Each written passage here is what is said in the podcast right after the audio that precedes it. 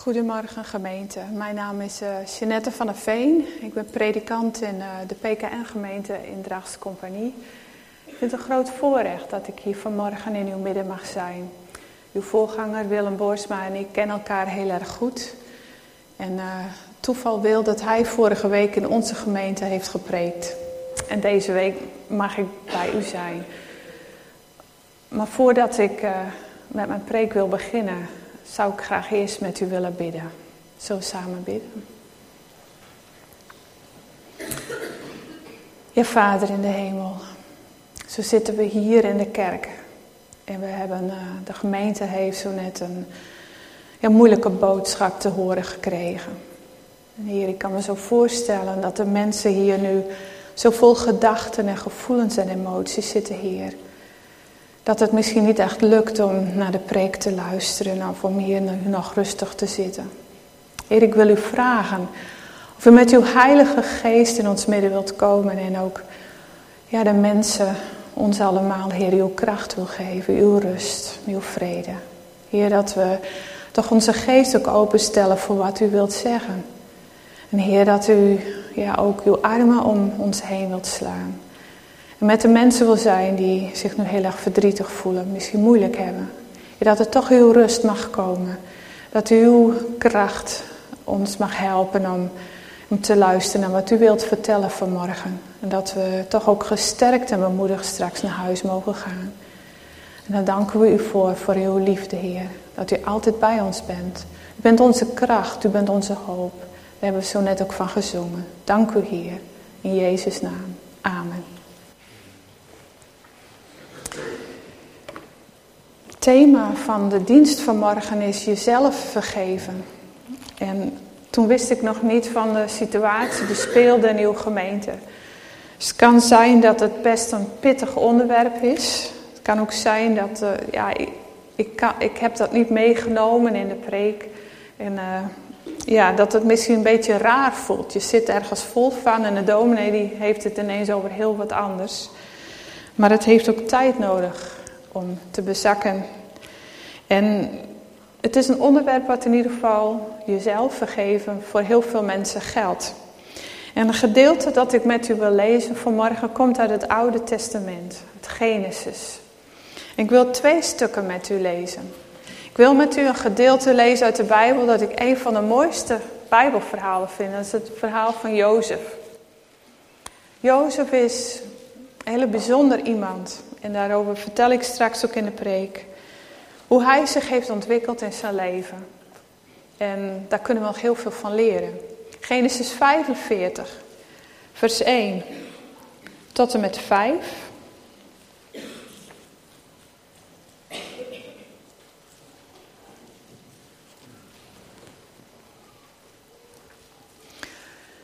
Jozef is inmiddels uh, de tweede man in Egypte geworden. Zijn broers die zijn nu voor de derde keer weer in Egypte gekomen wegens de hongersnood. ze hebben eindelijk ook Benjamin meegenomen, de jongste broer. Ze zijn dus voltallig. En heeft dan een, Jozef heeft dan een gesprek met zijn broers en ontdekt dat ze veranderd zijn. En ja, dan kan hij zich niet meer goed houden. En dan gaan we lezen wat er dan gebeurt. Toen kon Jozef zich niet langer goed houden tegenover allen die daar bij hem waren. Laat iedereen weggaan, riep hij. En zo was er niemand bij toen Jozef zijn broers vertelde wie hij was. Hij barstte in tranen uit en huilde zo luid dat de Egyptenaren het hoorden en dat het ook in het paleis van de farao te horen was. En hij zei tegen zijn broers, ik ben het, Jozef. Leeft mijn vader nog? En zijn broers waren verlamd van schrik. Kom toch zijn broers waren niet in staat antwoord te geven, ze waren verlamd van schrik. Kom toch dichterbij, zei Jozef tegen hen. En daarop gingen ze dichter naar hem toe.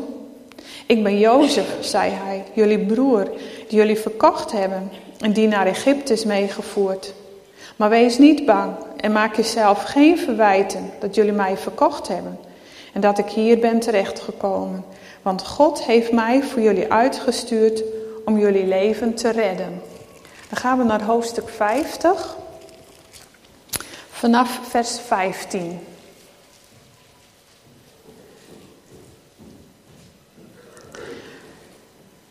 Jozef nodigt zijn vader uit om in Egypte te komen wonen en Jacob komt dan met alles wat hij heeft, met zijn hele familie, met al zijn bezittingen. En na verloop van tijd komt hij te overlijden. En dan lezen wij wat er dan gebeurt. Nu hun vader er niet meer was, zeiden Jozefs broers tegen elkaar. Als Jozef zich nu maar niet tegen ons keert en zich wreekt voor alle ellende die wij hem hebben aangedaan. En daarom lieten ze hem de volgende boodschap brengen. Voordat hij stierf, heeft je vader ons opgedragen je dit verzoek over te brengen. Vergeef je broers hun schandelijke misdaad, Jozef. Ze hebben je in de ellende gestort, maar wees nu zo goed om de dienaren van de God van je vader die misdaad te vergeven. En bij het horen van die woorden kon Jozef zijn tranen niet bedwingen. En daarna gingen zijn broers zelf naar hem toe. Ze vielen voor hem op hun knieën en zeiden: We zijn bereid je slaaf te worden. Maar Jozef zei: Wees maar niet bang. Ik kan toch Gods plaats niet innemen? Jullie hadden kwaad tegen mij in de zin, maar God heeft dat ten goede gekeerd om te bewerken wat er nu gebeurt, dat een groot volk in leven blijft. Wees dus niet bang. Ik zal zelf voor jullie en jullie kinderen zorgen. En zo troostte hij hen en stelde hij hen gerust. Zover het woord van God.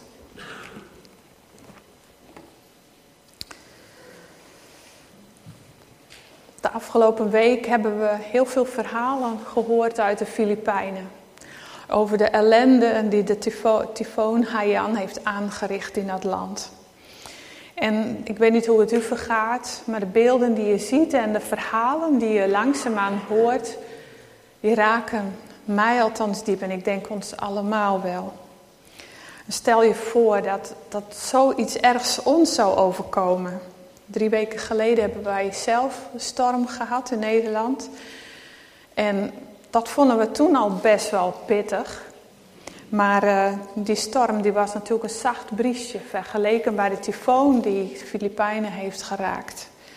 En ik denk dat als wij zo'n tyfoon over ons land hadden gehad, had ons land ook in puin gelegen. Natuurlijk hebben wij wat steviger gebouwen, maar tegen zo'n tyfoon is niets bestand.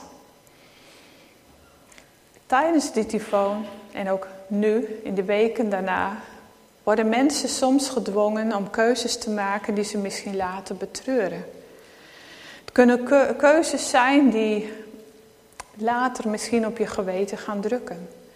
Dat je ten koste van iemand anders een, een schuilplek hebt kunnen vinden. En je weet, ik ben nu veilig met mijn gezin, maar die ander heeft het nu niet gered. Of je hebt eten afgepakt van iemand anders omdat je zo'n honger hebt. Of je hebt gezien dat je kind eraan toe is. En het ging ten koste van die ander. En is het misschien nu een kwestie van de, de sterkste overleeft. En zeker in extreme situaties kun je gedwongen worden tot keuzes waar je later ontzettend veel spijt van hebt. Maar het kan natuurlijk ook figuurlijk stormen in je leven. Je kunt van het ene op het andere moment geconfronteerd worden met iets heel moeilijks. Met een gebeurtenis die je leven zo op zijn kop zet. We lezen zo nu en dan in de krant verhalen van een vader die met zijn trekker op zijn erf een van zijn kinderen overrijdt en het kind overlijdt. Het zijn van die verhalen die je zo diep aangrijpen, van je ook denkt, hoe kan zo'n vader verder? Hoe kan hij zichzelf dat ooit vergeven? En zo is er ook een waar gebeurd verhaal van een gezin. In de tachtiger jaren brak er brand uit in hun gezin. En die brand was zo hevig, en greep zo snel om zich heen, dat de ouders zich met nood in veiligheid konden stellen. Maar hun kinderen konden ze niet meer redden en de kinderen zijn overleden. En die vader had het er zo moeilijk mee dat hij zijn kind niet kon redden. Dat hij heel lang heeft geworsteld met schuldgevoel. Hij raakte depressief en in zichzelf gekeerd. En toen kwam in 1992 de Bijlmerramp. En zag hij die beelden van het vuur en die verhalen van wat er zich had afgespeeld. En alles kwam weer boven. Het riep de herinneringen bij hem op die hij eigenlijk het liefst zo ver mogelijk had weggedrukt. En hij raakte totaal burn-out, hij kon niet meer werken. Je kunt zich voorstellen dat naast het verlies van hun kinderen, het leven voor hem en zijn vrouw nu heel erg zwaar werd, omdat hij ook niet meer kon functioneren. Wat moeilijk moet dat voor hen geweest zijn. Totdat ze in contact kwamen met een gemeente waar ze liefdevol werden opgevangen. En waar hij langzaam maar zeker het vertrouwen ervoer en dat hij zijn verhaal kon vertellen. En ook hoorde van de vergeving van God, maar ook dat hij zichzelf ook mocht vergeven. En hij heeft na 30 jaar worstelen eindelijk dat over kunnen geven, heeft hij vrede gekregen omdat hij zichzelf kon vergeven. Nu maken mensen soms dit soort moeilijke dingen mee. Wij gelukkig niet allemaal. Maar hoe dan ook, je kunt gebeurtenissen in je leven meemaken die je niet meer loslaten. En die ook de rest van je leven kunnen beïnvloeden. En het zijn, kunnen grote dingen zijn, maar het kunnen ook kleine dingen zijn. En vandaag wil ik met u en met jou nadenken over ja, wat betekent het nou voor je als je jezelf niet kunt vergeven? En ik wil beginnen bij de basis van ons geloof. En wat ik nu ga vertellen zal waarschijnlijk helemaal niet nieuw zijn voor u. Daar ga ik maar gewoon vanuit.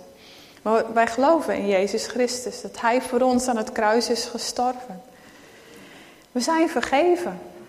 Al onze zonden zijn vergeven en dat is natuurlijk een prachtige boodschap.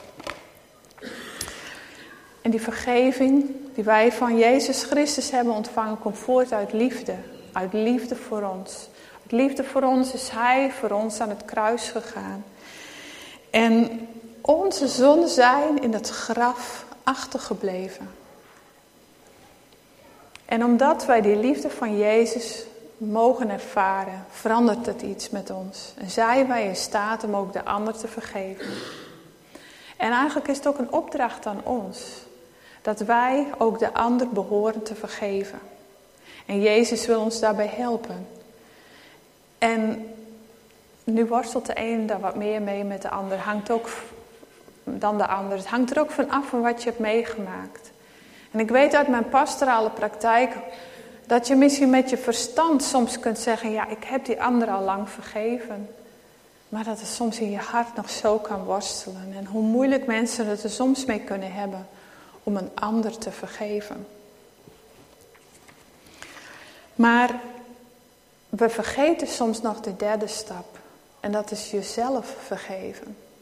En in mijn pastoraat ontmoet ik ook heel veel mensen. Die eigenlijk tot de ontdekking komen dat ze zichzelf eigenlijk nooit hebben vergeven voor iets wat ze in het verleden hebben gedaan. En dat dat soms heel zwaar op hen drukt. En het verhaal van de vergeving kennen we allemaal. Maar dit stukje, het jezelf vergeven, dat is vaak iets wat we over het hoofd zien. En dat is waar ik vanmorgen graag met u naar wil kijken. En daarom wil ik het dus met u kijken naar het verschil tussen je schuldig ergens over voelen en jezelf niet kunnen vergeven. Want vooral wij vrouwen voelen ons heel gauw ergens schuldig over. Mannen zijn vaak veel praktischer ingesteld en dan hebben vaak ook zoiets van, nou ik snap niet waar mijn vrouw of mijn, mijn dochter of mijn eh, goede collega zich nu zo druk over maakt. Dus het is toch klaar, dat is toch prima. En wij vrouwen kunnen soms echt het gevoel hebben van, nou ik snap niet dat mijn man of mijn, mijn vriend of wie dan ook zich daar nou niet te druk over maakt. Het kan soms een heel verschil in beleving zitten. Maar je schuldig ergens over voelen. Hè? Ik, kan misschien een voorbeeld geven uit ons eigen gezin. Eh, ik ben getrouwd en uh, wij hebben een dochter van 18 en een zoon van 15. En uh, vooral als we wat in de puberteit zitten en je de communicatie misschien niet altijd zo vloopt als je graag zou willen. En vooral als je moe bent en je hebt het druk en kinderen die gooien de kont in de krib. Dan wil het wel eens gebeuren dat je als vader of als moeder anders reageert dan je eigenlijk zou willen. En vooral ik heb er best wel eens moeite mee. Dan voel ik me zo schuldig dat ik ben uitgevallen of dat ik iets heb gezegd wat, oh, daar heb ik later zo'n spijt van. En wat doe je dan? Dan zeg ik bijvoorbeeld, zullen we vanavond pizza eten of zo? Als het ware koop ik dan mijn schuldgevoelens af. Misschien wel herkenbaar, vooral bij moeders denk ik. Vaders die hebben zoiets van, nou klaar, dat is geweest en uh, we gaan weer verder. Maar vooral ik als vrouw vind dat best wel lastig. En eigenlijk hoef ik mij helemaal niet schuldig te voelen. Natuurlijk is het niet netjes van me om uit te vallen, maar we zijn allemaal mensen en we maken allemaal fouten. En ja, klaar, je kunt het uitspreken naar elkaar en dan is het ook weer goed. Dus je schuldig voelen is wel wat anders dan jezelf niet kunnen vergeven. Je schuldig voelen is namelijk hartstikke goed. Want het is Gods ingebouwde alarmcentrale waarbij hij bij ons de alarmbelletjes gaat rinkelen. Hé, hey, je bent met iets bezig en dat is niet goed, let op. En als je schuldig voelt, dan werkt die dus. En, uh, en dan zorg je ervoor dat je de volgende keer het niet weer zo ver laat komen. Of je let beter op. Maar nu zijn er ook mensen die slaan erin door. Die hebben een heel fijn afgestelde alarmcentrale. En zijn, voelen zich heel vaak ergens schuldig over. Ik, ik ken ook mensen die continu zeggen: Oh, sorry, oh, wat erg. En continu verontschuldigen. En misschien terwijl ik dat noem, vloept er misschien zo een naam in u op. En ik moet u zeggen, het is soms best lastig om met dat soort mensen om te gaan. Dat kan heel vermoeiend zijn. Als mensen continu zichzelf verontschuldigen en oh, ik vind dat best moeilijk. En je probeert natuurlijk geduldig te zijn en te zeggen, ah, geef niks joh. Nou, maakt niks uit, is klaar. Maar het kan wel gebeuren dat die mensen wel steeds een claim leggen op zichzelf. Dat is natuurlijk niet goed de, blijkbaar hebben ze het er wel heel moeilijk mee. Maar ze leggen ook een claim op hun omgeving, want ja, je gaat op wat meer op je tenen lopen, je probeert die ander wat te ontzien. En dat is de andere kant. Maar goed, daarover gaat het vanmorgen niet. Het gaat erover dat je jezelf niet kunt vergeven. En dat is toch wel heel wat anders. Want als je jezelf niet kunt vergeven, wat betekent dat dan eigenlijk? dan gebeurt er iets, en dat, is, dat hebben veel mensen, is dat je jezelf veel verantwoordelijker houdt voor iets dan de ander. Dus stel ik doe iets fout en mijn man doet iets fout. En dan vind ik het veel erger dat ik het fout heb gedaan dan hij. Alsof het een verschil maakt wie het doet. En uh, je legt dus als het ware de lat voor jezelf veel hoger dan voor de ander.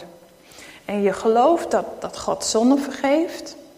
Dat geloof ik. En toch merk ik in mijn pastorale praktijk dat er mensen zijn, ja, God vergeeft iedereen alle zonden, maar mijn zonde niet. Want ik ben zo fout. Ik, ik kan niet voorstellen dat God van mij houdt. En, en daar voegen ze soms woorden aan toe van ik ben waardeloos. Uh, ik ben een voetveeg. En dat soort woorden raken mij diep. Want hieruit spreekt zoveel onmacht en zoveel verdriet. En daarom uh, wil ik uh, vanmorgen eens met u kijken naar het verhaal van Jozef. In dat verhaal van Jozef en zijn broers wordt duidelijk dat die broers zichzelf niet hebben vergeven. We hebben gelezen dat Jozef zich bekend maakte aan zijn broers. En je leest in dit verhaal een verandering. Jozef was eerst dat verwende jongetje. Kent dat verhaal. Dat jongetje dat droomde dat, dat iedereen voor hem moest buigen. En hij had die prachtige, veelkleurige jas. En zijn vader ontzag hem. Hij hoefde niet dat zware werk te doen wat zijn andere broers wel moesten doen. Hij was een beetje een verwend kereltje, heel vervelend. Maar dat verwende kereltje is door alles wat hij heeft meegemaakt, en hij heeft nogal wat meegemaakt, niet verbitterd geraakt. Hij is niet boos geworden, nee. Hij is veranderd in een zachtaardige en in een emotionele man ook. Hij is in de loop der jaren veranderd ten goede. En hij heeft ervaren dat toen hij werd verkocht, toen hij na de gebeurtenissen bij Potifar in de gevangenis kwam en alles wat hij heeft meegemaakt, toch ervaren dat God bij hem was.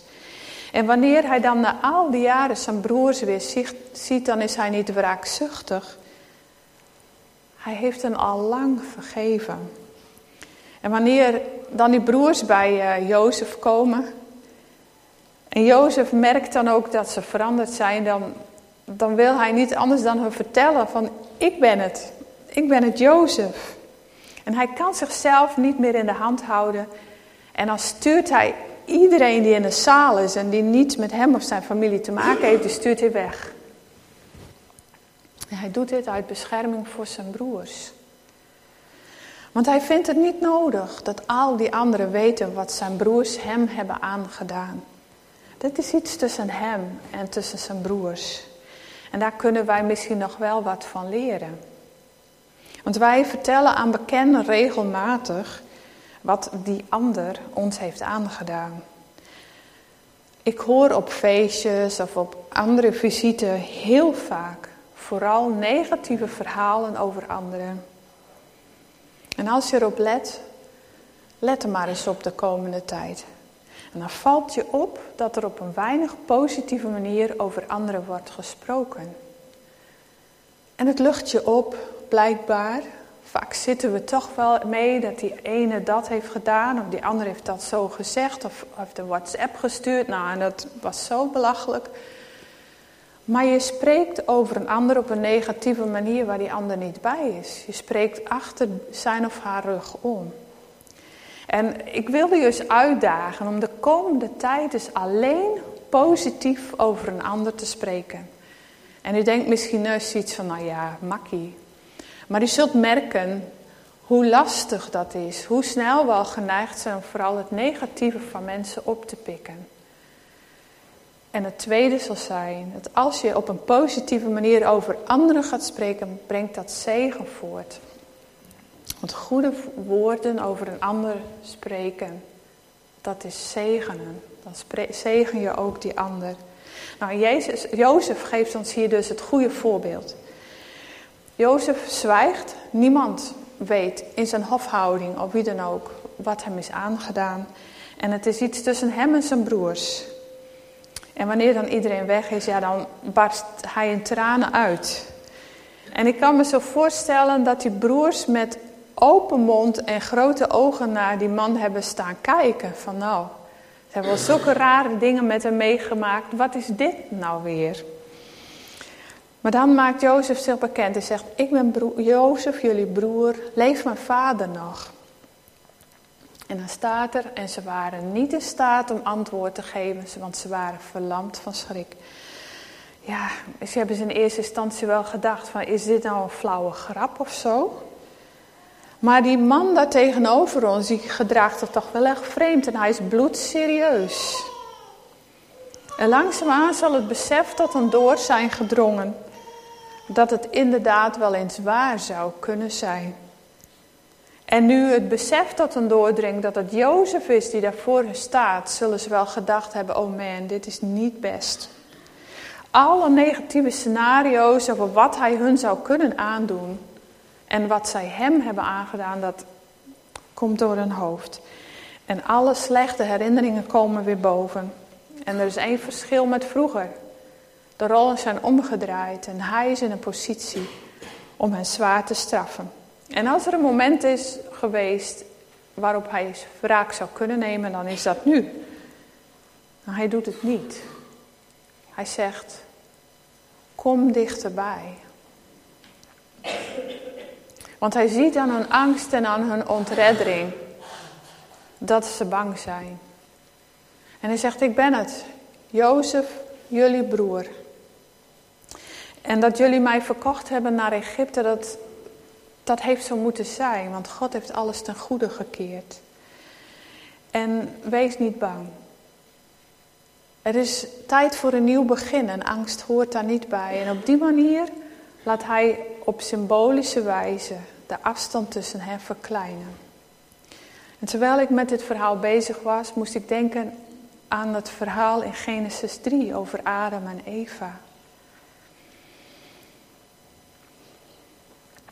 Nadat ze van een vrucht van de boom hadden gegeten, de vrucht van uw boom van goed en kwaad, verstappen ze zich voor God, want ze schamen zich voor elkaar en ze zijn bang geworden voor God.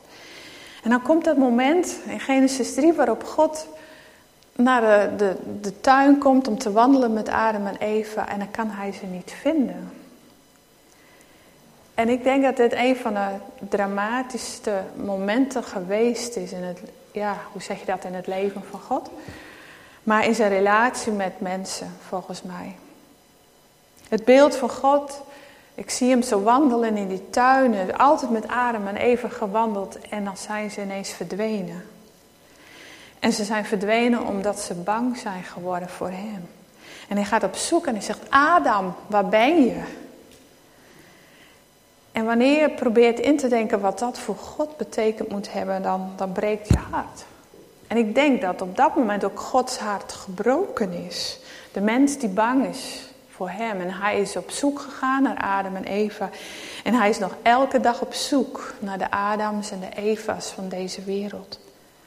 Naar elk mens dat verwond is. Dat een gebroken hart heeft. Een mens dat met een masker oploopt en niet zichzelf durft te zijn. Een mens die in verwarring is over van wie ben ik nou eigenlijk. God roept je. Hij wil bij je zijn. God is niet uit op vergelding of wraak. Hij zegt, kom maar dichterbij. En de hele Bijbel door laat een God zien die liefdevol is, die geduldig is, die zorgzaam is. En God heeft toen in Genesis 3 meteen ook gezegd, ik maak alles nieuw. De mens kan dat niet uit zichzelf, dat zal ik doen. En hij heeft een wonder verricht.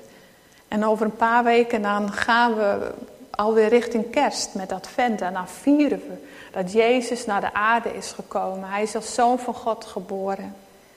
En hij heeft elke zonde, elk misbruik, elk woord dat jou getekend heeft voor het leven, wat op jou drukt, dat heeft hij op zich genomen. Elke ziekte, elke pijn, elke slag of schop heeft hij vrijwillig voor jou gedragen aan het kruis. En hij is gestorven en hij is opgestaan en hij heeft alle mensen hoop gegeven. En als je dat gelooft, dan word je ook een nieuw mens. Dat is ook wat in 1 Petrus 1 vers 3 staat. In zijn grote barmhartigheid heeft God ons opnieuw geboren doen worden door de opstanding van Jezus Christus uit de dood, waardoor wij leven in hoop. Satan dacht in Genesis dat hij voor goed de relatie tussen God en mensen had vernield. Hij dacht ook dat hij gewonnen had toen Jezus daar hing aan het kruis en stervende was. Maar Jezus heeft de dood overwonnen en de relatie met God hersteld. En dit beeld van die vergevende, liefdevolle vader die zegt, Adam, waar ben je? Kom dichterbij. Dat beeld zie ik terug in Jozef, die ook tegen zijn broers zegt. En je ziet hun angst en hun ontreddering. En zegt, kom dichterbij. En vervolgens vertelt hij hun dan van, je hoeft je niet meer schuldig te voelen. Ik heb jullie al lang vergeven. God heeft alles ten goede gekeerd.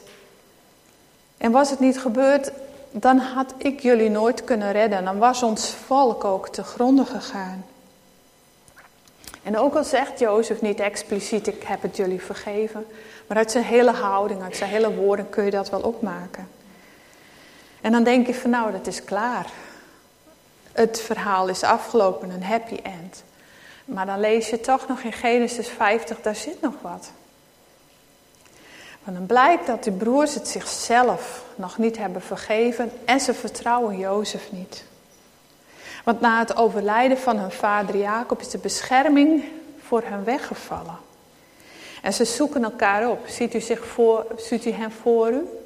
Misschien wel in een van hun huizen en houden ze een soort vergadering van jongens. De situatie is toch wel heel erg veranderd. En eh, misschien heeft Jozef wel gedaan alsof, zolang onze vader er is. Maar ja, nu komt vast zijn ware aard boven. En kan hij ons alsnog aandoen wat wij hem, eh, om ons te pakken op wat wij hem hebben aangedaan. En dan sturen ze een dienaar naar Jozef toe met de woorden die we ook hebben gelezen. Dat, dat Jacob als het ware Jozef aanspreekt om hen niets aan te doen. En dan zie je hoe diep dat Jozef raakt. Want hij is zo goed voor hen geweest. Hij heeft hen alles vergeven, hij rekent hen niets aan, hij heeft een nieuw begin met hen gemaakt, hij heeft hen naar hen toegehaald, heeft hen een beste plek gegeven om te wonen. En dan toch, ze vertrouwen hem niet. Ze zeggen als het ware, het is te mooi om waar te zijn, dit, dit kan niet waar zijn. En dat is om te huilen en dat is wat ook Jozef doet. Als hij die boodschap hoort, ze durven het hem niet eens rechtstreeks te zeggen, het gaat via een dienaar. En het aparte is, we lezen nergens in de Bijbel dat Jacob ook die woorden heeft gezegd. Er kunnen twee dingen betekenen. Dat de schrijver het niet op heeft geschreven, dat het wel is gebeurd. Het kan ook zijn dat die broers het ter plekke hebben verzonnen. En gedacht, als we nou vader Jacob erbij halen, krijgt het extra gewicht. En durft hij ons dan niets aan te doen ter nagedachtenis aan onze vader. Ik denk dat het laatste het geval is. En dat geeft ook aan de onbetrouwbaarheid van de broers en ook hun angsten. En dat is ook wat Jacob raakt, dat ze niet eerlijk zijn naar hem. Maar waarom doen ze dit? En ik wil een tekst uit Romeinen 12 erbij aanhalen, uit 17, Romeinen 12, vers 17 tot 21. Er staat: Vergeld geen kwaad met kwaad. Maar probeer voor alle mensen het goede te doen. Stel, voor zover het in uw macht ligt, alles in het werk om met alle mensen in vrede te leven. Neem geen wraak, geliefde broeders en zusters, maar laat God uw wreker zijn. Want er staat geschreven dat de Heer zegt: Het is aan mij om wraak te nemen. Ik zal vergelden, maar als uw vijand honger heeft, geef hem dan te eten. Als hij dorst heeft, geef hem dan te drinken. Dan stapelt u gloeiende kolen op zijn hoofd. Laat u niet overwinnen door het kwade, maar overwin het kwade door het goede. Dat is wat hier gebeurt. Jozef heeft het losgelaten, heeft hem vergeven, heeft ook alles wat hij heeft meegemaakt aan God gegeven. Hier, Heer, hier is het. Neemt dit van mij over. Hij heeft gehandeld uit liefde. Zijn broers die kunnen daar niet mee omgaan op de een of andere manier. Het is zo anders dan in het dagelijks leven we dat gewend zijn. Misschien hadden ze liever gehad dat, Jezus hem maar, dat Jozef hem maar had gestraft. Daar hadden ze voor hun gevoel, hun schuld vereffend. Misschien hebben ze dan het gevoel dat ze nog bij hem in het krijt staan. Maar dit is zo ongrijpbaar voor hen. Je voelt je misschien zelfs nog schuldiger door. Je hebt iemand iets aangedaan en die reageert alleen maar liefdevol. Maar het allerbelangrijkste is, ze hebben zichzelf niet vergeven.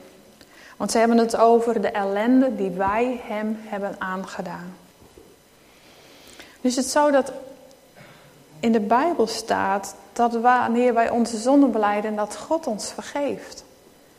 En Johannes 1 vers 9 staat, beleiden wij onze zonden, dan zal Hij, die trouw en rechtvaardig is, ons onze zonden vergeven en ons reinigen van alle kwaad. Beleiden, dat betekent hetzelfde zeggen. Je zonden beleiden, dat betekent dat je met Gods ogen kijkt naar datgene wat mis is gegaan. En je spreekt uit dat je hetzelfde zegt als God. Het was fout. God, ik, ik zeg, ik kijk er met uw ogen naar en ik beleid het, het, het is fout. En je erkent je fout en je erkent ook dat je vergeving nodig hebt. En wanneer je je zonden beleidt, dan vergeeft God. Het is een automatisme. Maar als God ons wel vergeeft, waarom zou je jezelf dan niet vergeven? waarom zou daar verschil in zitten? Het is alsof je als het ware maar weer opnieuw naar die rechtbank gaat en je papier met al je beschuldigingen meeneemt en zegt: Zie eens wat ik allemaal fout heb gedaan. Ik weet dat u rechter iedereen de schulden kwijtscheldt. Maar dat kan ik niet voor mezelf. Snap je dat daar iets misgaat? Dat we onszelf gevangen houden terwijl dat niet hoeft. U kent misschien wel het verhaal uit Matthäus 18. Van die dienaar die een grote schuld had bij, bij, een, bij een koning en kon het echt nooit terugbetalen. Hij smeekt en de schuld wordt hem kwijtgescholden. En dan komt hij een collega tegen die maar een tientje schuldig is. En die kan het niet betalen en stopt hem in een gevangenis. Maar het is alsof als het ware dat die heer, die dienaar, wel zijn schuld heeft kwijtgescholden en toch gaat hij nog de gevangenis in. Dat doet hij zelf. En ook al heeft God hem de sleutel gegeven van vergeving, je draait hem steeds zelf weer op slot en je komt er niet uit. En dat is om te huilen. Want ik weet niet hoe Gods reactie is als hij merkt aan mensen die dit zichzelf maar steeds vastpinnen op iets wat gebeurd is in het verleden en zichzelf niet kunnen vergeven. Maar ik kan me voorstellen dat God daar wel verdriet van heeft. Wanneer Hij ons vergeving geschonken heeft, dan moeten we onszelf ook niet steeds gevangen houden. Jezelf vergeven, dat betekent laat los. Haal niet steeds naar voren wat jij fout hebt gedaan. vergeving is een keus. Ik kies ervoor om nu te vergeven of vergeving te vragen. Daar is moed en daar is kracht voor nodig. En dat kun je soms ook niet uit jezelf, daar heb je God bij nodig. Maar het geeft je wel de kans om overwinnaar te worden in plaats van dat je slachtoffer blijft van je eigen hoon. Vergeven is een wilsbesluit. En dat geldt ook voor jezelf, anders blijf je gevangen. De realiteit is wel dat jij niet kunt veranderen aan wat er gebeurd is in het verleden. Je kunt levens niet herstellen tot het punt waarop het allemaal mis is gegaan. Vergeving verandert niet het verleden, maar verandert wel de toekomst. Vergeef jezelf en laat de genezing beginnen. En ik wilde eindigen met het laatste stukje van die broers van Jozef. Wanneer ze horen dat, dat Jozef huilt, dan komen ze bij hem en ze vallen voor hem op de grond. En er staat een, woord dat zegt dat ze echt lang uit liggen. Ziet u die al wat oudere mannen daar lang uit op de grond liggen. En ze zeggen, we, zijn bereid om je slaaf te worden. Dat doet me zo denken aan het verhaal van de verloren zoon. Waarop die verloren zoon ook zegt van nou prima, dan ben ik geen zoon meer. Maar dat ik dan alsjeblieft dan maar slaaf mag zijn. Het is niet de bedoeling dat wij slaven zijn van God en van elkaar. In beide verhalen draait het om liefde en om vergeving. Jozef doet er alles aan om zijn broers te bevrijden van de last die al zo lang op hun schouders drukt.